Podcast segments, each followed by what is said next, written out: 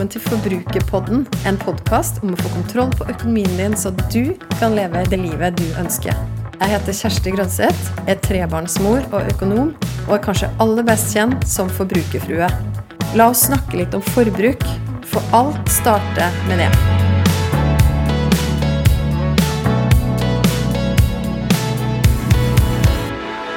Det er ingen tvil om hva den store snakkisen har vært de siste ukene, i media, i lunsjen på jobb, når du henter i barnehagen, eller bare snakker med tilfeldige folk på gata. Koronaviruset. Koronaviruset utgjør, sitat, en alvorlig fare for mennesker og verdensøkonomien, sa sjefen for Det internasjonale pengefondet, ja, de som jobber for å sikre stabilitet i hele det internasjonale pengesystemet. Finansmarkedene over hele verden skjelver, og børsene de har stort sett røde tall hver dag. Og midt i det her da, så står du og jeg, kanskje redde for vår egen og de rundt oss sin helse, og for å toppe det hele må de av oss som har valgt å putte penger inn i aksjemarkedet, forholde oss til røde tall i vår egen portefølje. Jeg har fått flere meldinger med spørsmål de siste dagene fra folk som lurer på om de nå bør vente med å plassere pengene sine i fond, og noen angrer på at de ikke tok ut pengene fra fondet rett før det her skjedde. Jeg tenker at timingen med andre ord er perfekt for å snakke litt om aksjer. Og i den anledning er jeg utrolig glad for å introdusere dagens gjest, sprudlende Ida Bergitte Andersen Hundebakke, som i januar i fjor starta et initiativ hun har kalt Aksjekaffe. Hun brenner for temaet kvinner og finans, og for å gjøre finansverden litt mindre skremmende og mer forståelig for alle. Velkommen til Forbrukerpodden, Ida. Tusen takk for det! Hva tenker du om det som skjer om dagen? Det er jo litt skremmende uh, ved første øyekast, og jeg har jo blitt kontaktet av mange, jeg også, som er veldig redde for pengene sine for tiden. Så jeg skjønner jo at folk blir skremte av overskrifter og ikke minst røde tall når de går inn i nettbanken sin. Mm.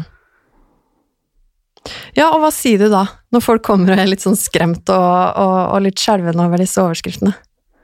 Det er, jo, det er jo litt sånn når man skal være i aksjemarkedet, så må man jo forvente at eh, det går opp, og så går det ned. Så går det opp igjen, og så går det ned. Det er sånn det er, det svinger. Man må rett og slett ha litt uh, is i magen. Det er stort sett det som har hjulpet først, uh, sånn uh, tidligere, da, ved de forrige kriser som man har hatt. Ja, for man har jo hatt litt kriser før òg, ikke sant? Ja, man kan jo tenke på alt som har skjedd i verden gjennom tiden. Er kriger, det har vært krasj, og så videre. Og verden består jo. Den gjør det. Heldigvis. Verden består. Ok, men Ida, aksjekaffe. Spennende. Fortell oss litt mer om, eh, om deg sjøl, og, og, hva aksjekaffe egentlig er for noe. Ja, eh, jeg hadde ikke peiling på aksjer, finans eller noen ting. Eh, lignende som det, eh, bare for et par år siden. Ante ikke hvor jeg skulle starte. Det eneste jeg hadde hørt om, eh, om dette for før, var at jeg kom til å miste absolutt alle pengene mine. Og hvis du ikke har peiling da, så er ikke det sånn uh, Det er ikke da du går inn og tenker 'yes, dette skal jeg starte med'. uh, så, no, men så var det noen som sa liksom Jeg, jeg skulle ønske jeg vis, uh, visste og husket hvordan jeg ble fortalt at det kunne være lurt å begynne litt med investeringer. Uh, men det husker jeg da ikke. Det kan ha vært så enkelt som at Silje Sandmæl dukket opp på en eller annen eh, reklame på Facebook eller lignende. Men jeg gikk i hvert fall i gang. Hadde ingen å spørre om råd, osv. videre. men begynte så smått. Mitt uh, første møte med dette var å booke et møte med banken min, og sa, der jeg sa sånn Hei, Ida har lyst til å investere, kan, kan dere hjelpe meg i gang? Mm. Så holdt jeg på en god stund alene. Og så hadde jeg liksom Jeg er jo en idealist, så jeg har jo lyst til å forandre verden til det bedre. Og så visste jeg jo liksom at jeg selv ikke hadde noen å snakke med, og at det sikkert kanskje var andre i samme situasjon eh, som også trengte noen å peppe sammen med og dele erfaringer osv. Og, og så For eh, et år siden, i januar i fjor, så var jeg på en konferanse. Det var kanskje den første konferansen som var arrangert som handlet om investeringer. Som bare handlet om Som var bare for kvinner. Og da fikk jeg vite at det var 700 på venteliste. Så tenkte jeg nå Ja. må jeg faktisk gjøre noe med det. Så jeg la ut en post på Facebook der jeg sa jeg heter Ida, eh, er det noen som har lyst til å ta en aksjekaffe med meg? Vannet det som kom? Ja, det var faktisk noen sjeler som kom. Eh, tror det var rundt fire stykk som kom. Eh, så det var utrolig gøy. Det var ikke folk jeg kjente for før. Um, og det var starten, altså. Og siden har det bare ballet på seg. eh, og økt og økt i antall gjester og besøkende på eventene mine. For eh, det, det Ja, det er helt fantastisk. Interessen er der. Interessen er der så til stede. Og så har det jo skjedd veldig mye det siste året med kvinnerinvesteringer. Men da jeg startet, var det ingen som snakket om det. Mm. Wow, det er veldig kult. Så hva, altså aksjekaffe i dag, hva, hva er det du snakker om med eventene dine? Altså, hvordan, vil, hvordan vil du beskrive en sånn aksjekaffe-event? Eh, det er egentlig det det høres ut som. Man møtes, drikker kaffe og snakker om aksjer og investeringer. Og så er det for alle. Ja. Mm, så har jeg utvidet eh, nå i eh, mars, vil det være en, eh, en edition for menn også, for det var så mange menn som også hadde lyst til å være med, men primært er det vært for kvinner. Det er kvinner som er målgruppa. Mm. For du sier jo da at du brenner jo for kvinner og investering, at flere kvinner skal kanskje tørre å ta steget ut i det store, skremmende aksjemarkedet. Mm, og det er jo Det er jo veldig mange myter som går, og mange blir skremt, og de tror de må vite ekstremt mye. Mm. le må lese liksom tre tjukke investorbøker for å komme i gang, men det stemmer jo ikke. Og du må ikke vite alle ord som står på liksom aksjehandelssiden for å komme i gang med noe med, med dine egne investeringer. Selvfølgelig er det lurt å liksom lese seg litt opp, men eh, du må ikke være ekspert eller ha mastergrad i finans, i hvert fall. Nei, for hva trenger man egentlig å vite? Det, det er mange som lurer på. Ok, det her høres jo litt skremmende, men også litt spennende ut, og kanskje jeg skal prøve meg i, i dette litt eh, store, ukjente aksjemarkedet, da, men, men hvor mye må jeg vite? Hva ville du sagt? Hvor, starter man med å få litt sånn basic kunnskapinformasjon?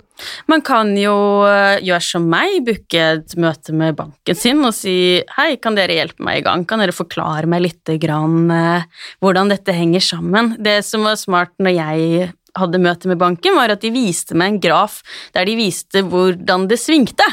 Og det har vært veldig fint å ha med seg f.eks. i dette koronatidene, da. Eh, der de sa at eh, her går det oppover, her er folk kjempefornøyde, her går de nedover, her blir folk misfornøyde, her går det enda mer nedover, her begynner folk å ringe og er sinte. Eh, her går det helt på bunn, og da selger alt, alle, alt de har, og så går det opp igjen. Mm. Og den har vært liksom veldig fin å ha med seg, så de kan forklare sånne ting. De kan liksom gi litt råd om, eh, om din egen økonomi, og hva bør, du bør gjøre, da. Eh, så finnes det jo også god informasjon f.eks. på Aksjen Norge sine sider, og på bankene sine egne sider, osv.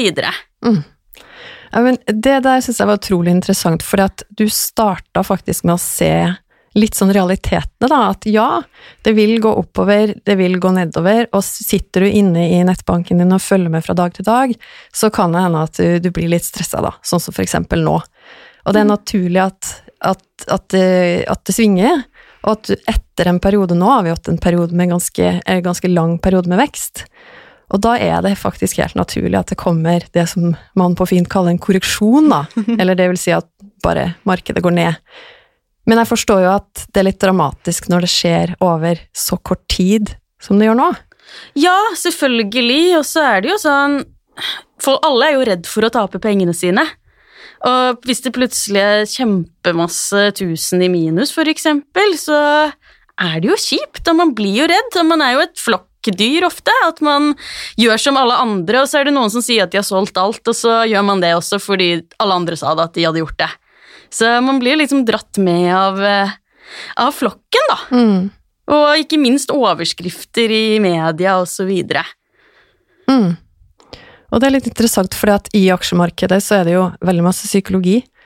Og når det er så masse usikkerhet som det er nå, og frykt, så liker jo på en måte markedet det dårlig, men, men kanskje at vi skal bare slå fast det en gang for alle, at det verste man kan gjøre nå, det er jo å selge.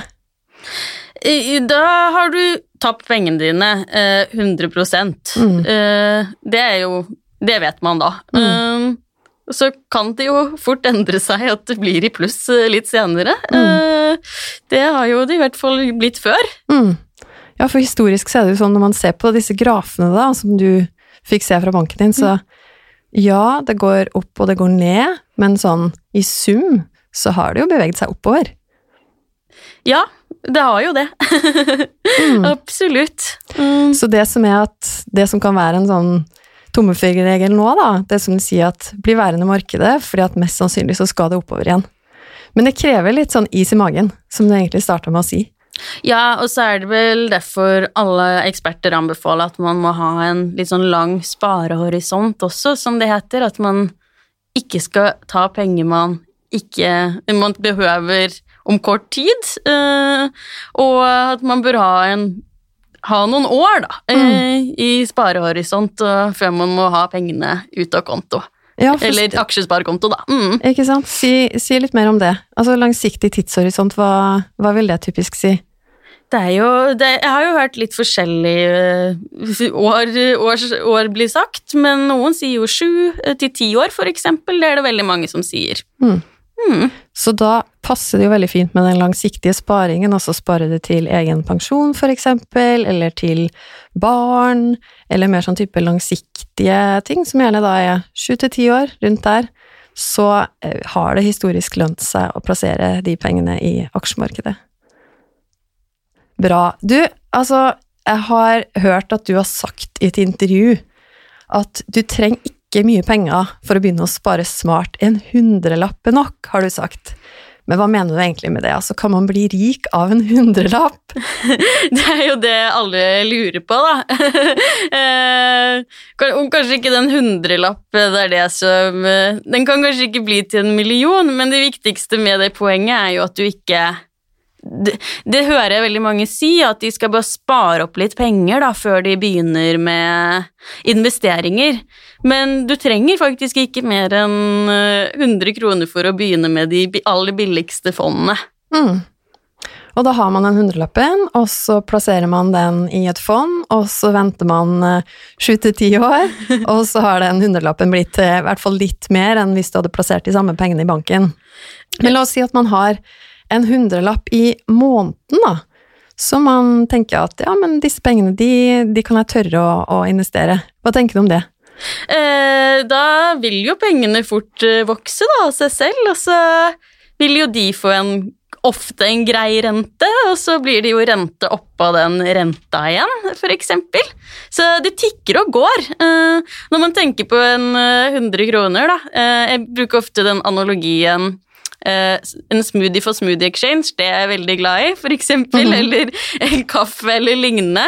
Man ser jo hvor eh, den koster jo fort liksom 70-80 kroner. Eh, mange kjøper det, men så tror de at de ikke har råd til fond. Ikke sant? Så du mener at ok, den hundrelappen til og med i måneden, da, den, den har kanskje de aller fleste råd til? Mange har nok det. Mm. At det handler om det, ja, og det her er jo jeg også veldig opptatt av, at man egentlig ser på liksom helheten i økonomien og tenker hva Ok, eh, alle har en Stort sett alle har en inntekt som, de, som er mer eller mindre fast hver måned, og det man får inn av det, altså hvordan skal man bruke de pengene for at man skal selv få mest mulig igjen for de? Og det kan jo hende at den smoothien eller den kaffen, ikke sant, er at du ønsker å ha det som en del av ditt budsjett, da, eller det du bruker pengene på i løpet av en måned. Men så kan det også hende at hvis du eksempel går ned fra ja, to uker til én, da, eller to dagen til én, så kan du faktisk finne de pengene som du også kan få til å vokse på litt sikt.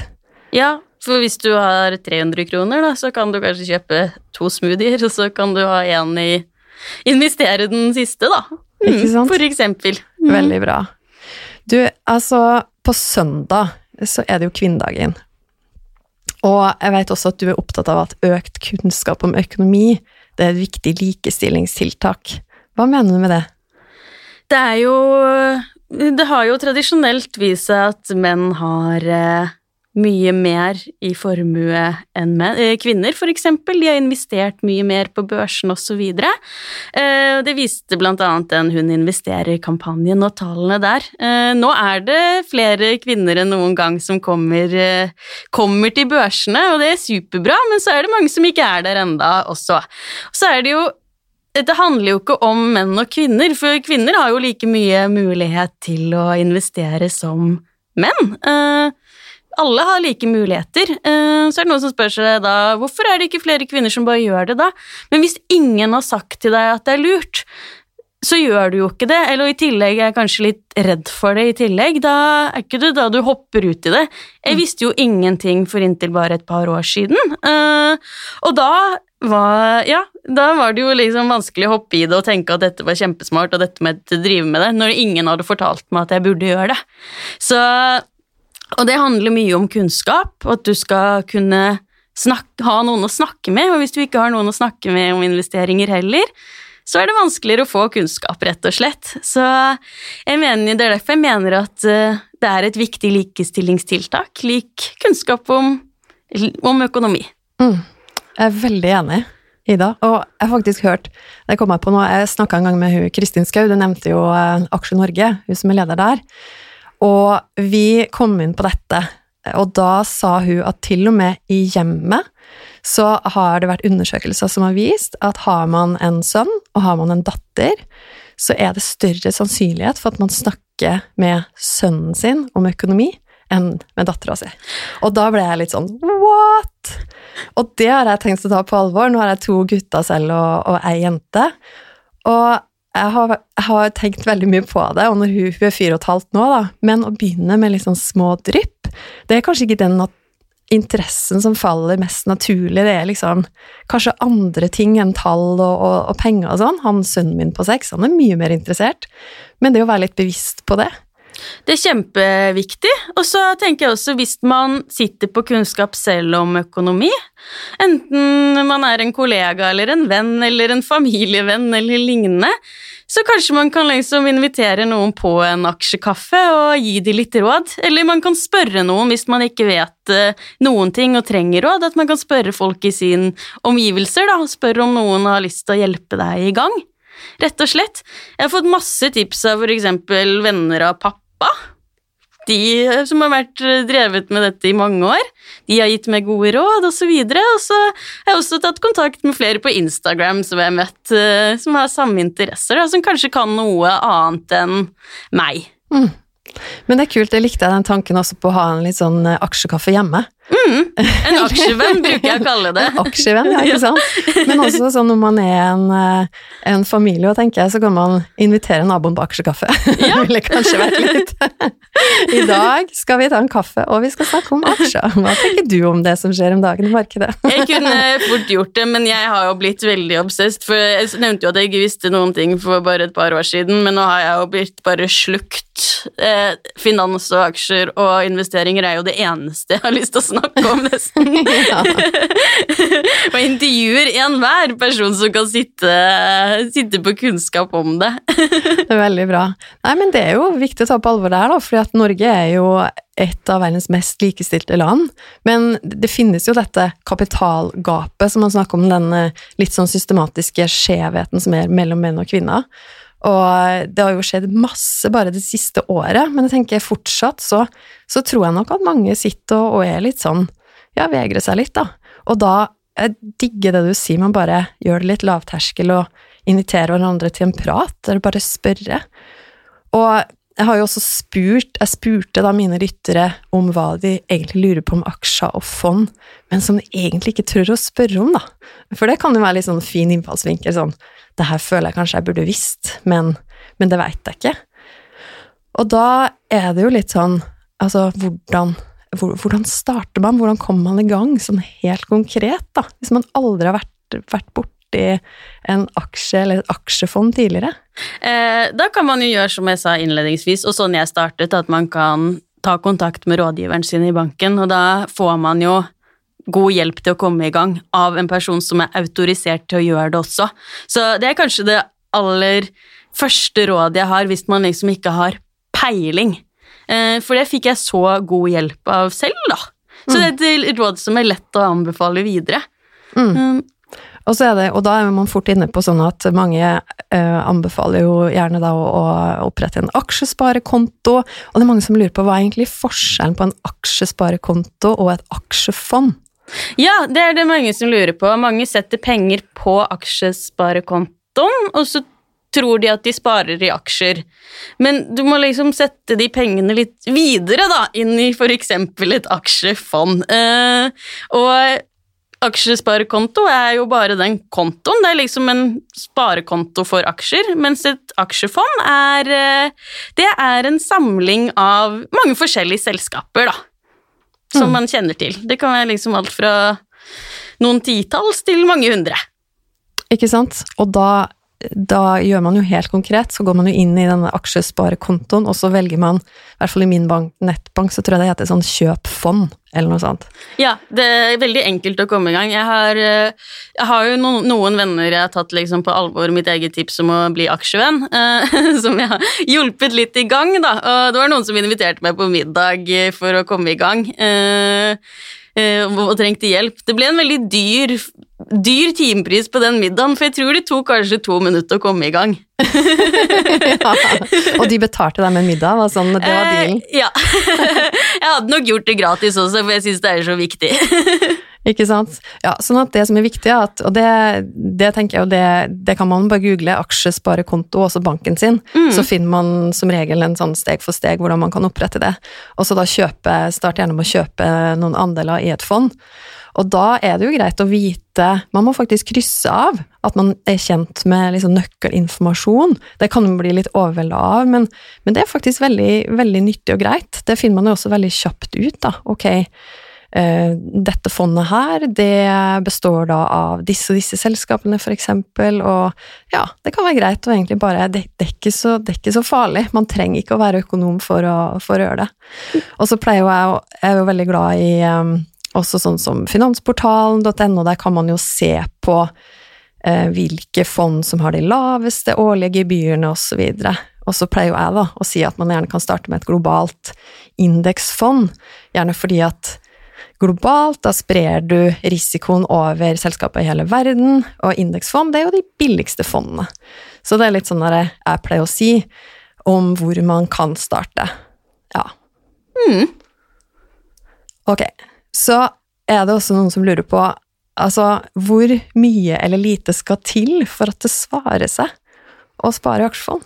Det skulle, da skulle jeg hatt en kalkulator her. Nei da.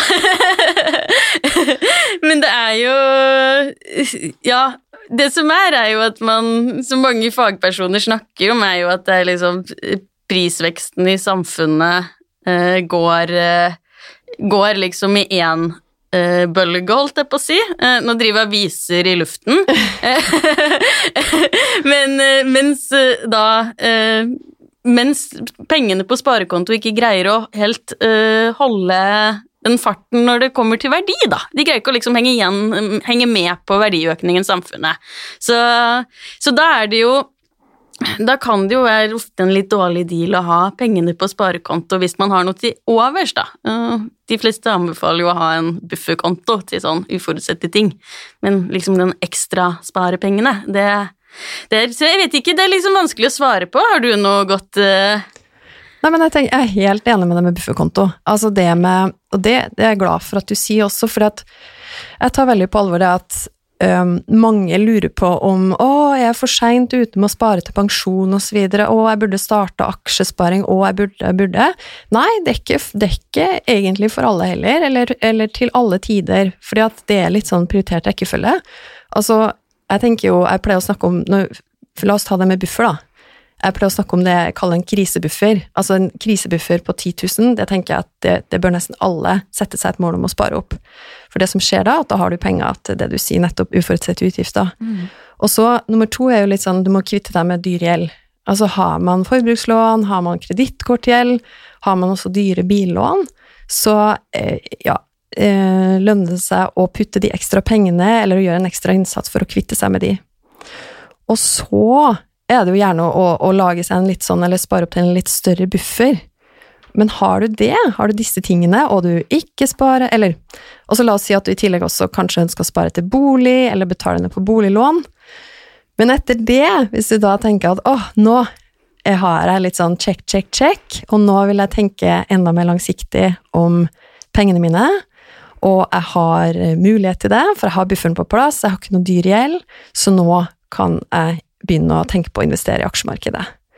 Da er man jo i en god økonomisk situasjon, da har du litt sånn the basics på plass, da har du en solid økonomi, og det som er greia, er jo, og det du forklarer veldig fint, er at penger i banken, de taper seg jo i verdi, mens aksjemarkedet, aksjefond, de investeringene man har gjort der, de har jo da ligget Altså de, historisk sett har de alltid ligget over den avkastninga man kan få i banken. Mm. Så det er litt sånn hvor lite lønner seg, er jo litt vanskelig å si noe konkret om hvis det er liksom en konkret sum, men uh, som du sier, det er jo fag...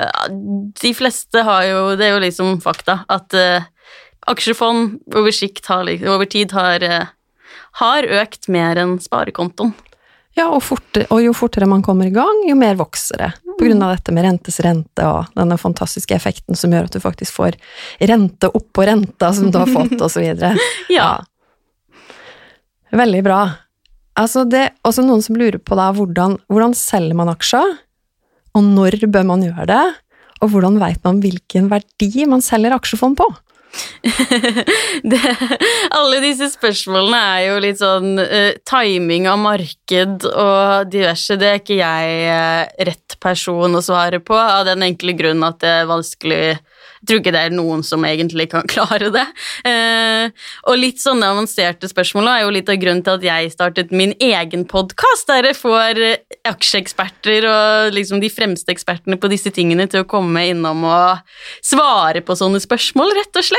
Da fikk vi reklamert litt for den også. Jeg anbefaler alle å sjekke ut Aksjekaffe, ja. der du lytter på podkast. Det er jo bra du nevner Ida, og man kan også følge Ida på Aksjekaffe på Instagram og Facebook.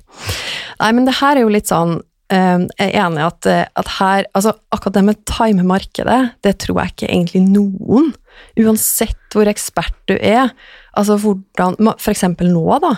Veit man om bunnen er nådd? Nei. Det, det kan komme på en måte enda et fall i morgen, eller sånn som tidligere denne uka her så gikk det jo litt oppover igjen.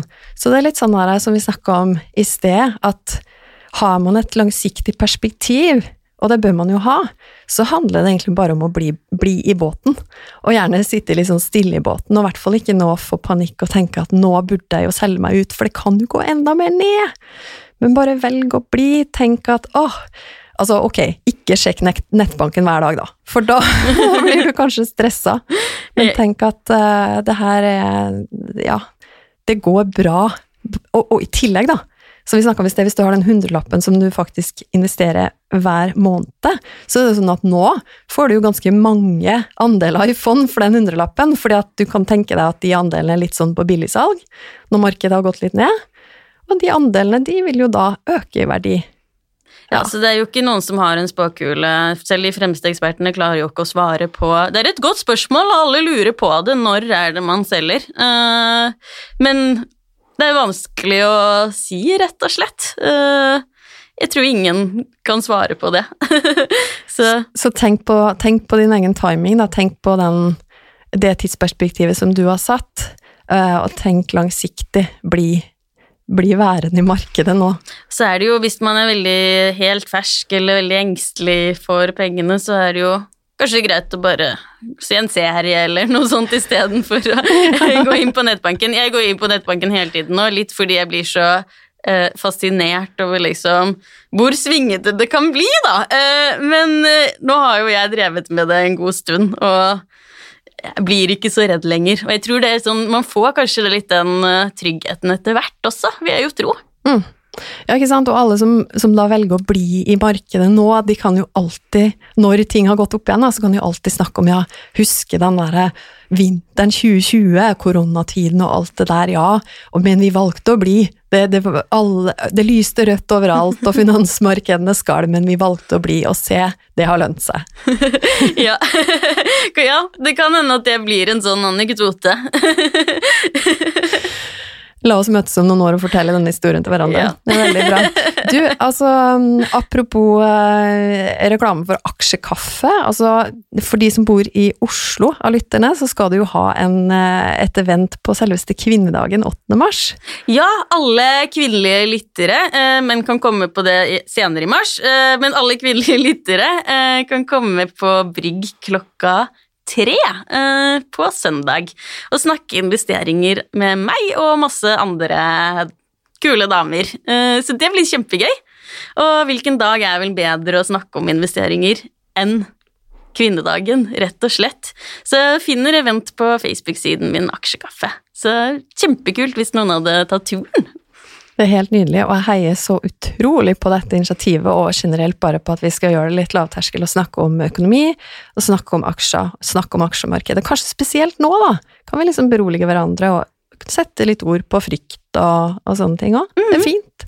Ja, ha liksom igjen noen aksjevenner man kan støtte seg til. Det er liksom jeg med i flere chatter, og folk jeg har møtt på aksjekaffe tidligere og sånne ting. Og vi har snakket litt om virus og strategier og så videre, og det har vært veldig fint å ha, altså.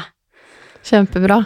Og uansett om man ikke får med seg det eventet og bor i Oslo og får med seg aksjekaffe på kvinnedagen, så kan man jo da ja, invitere til aksjekaffe hjem til seg, som vi har snakka om nå.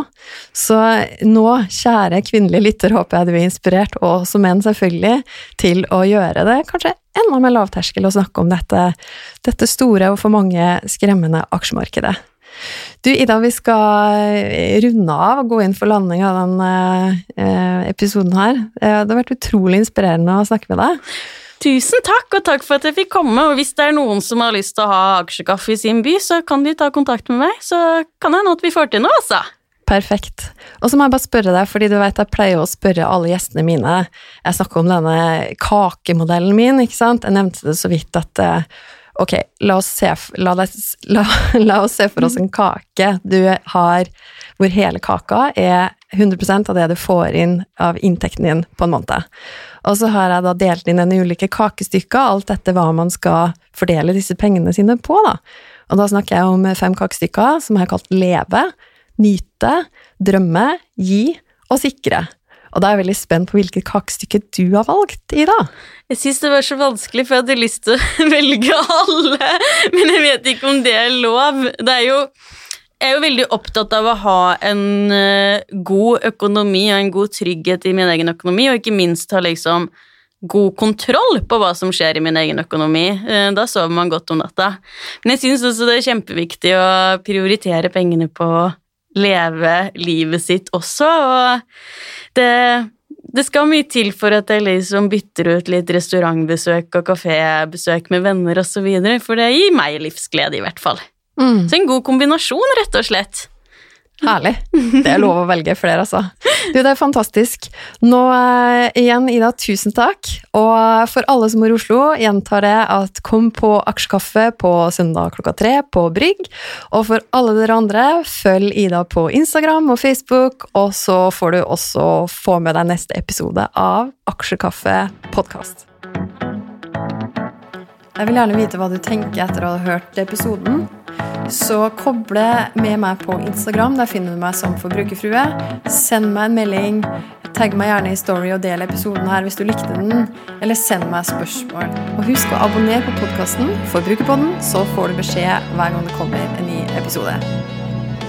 Vi høres!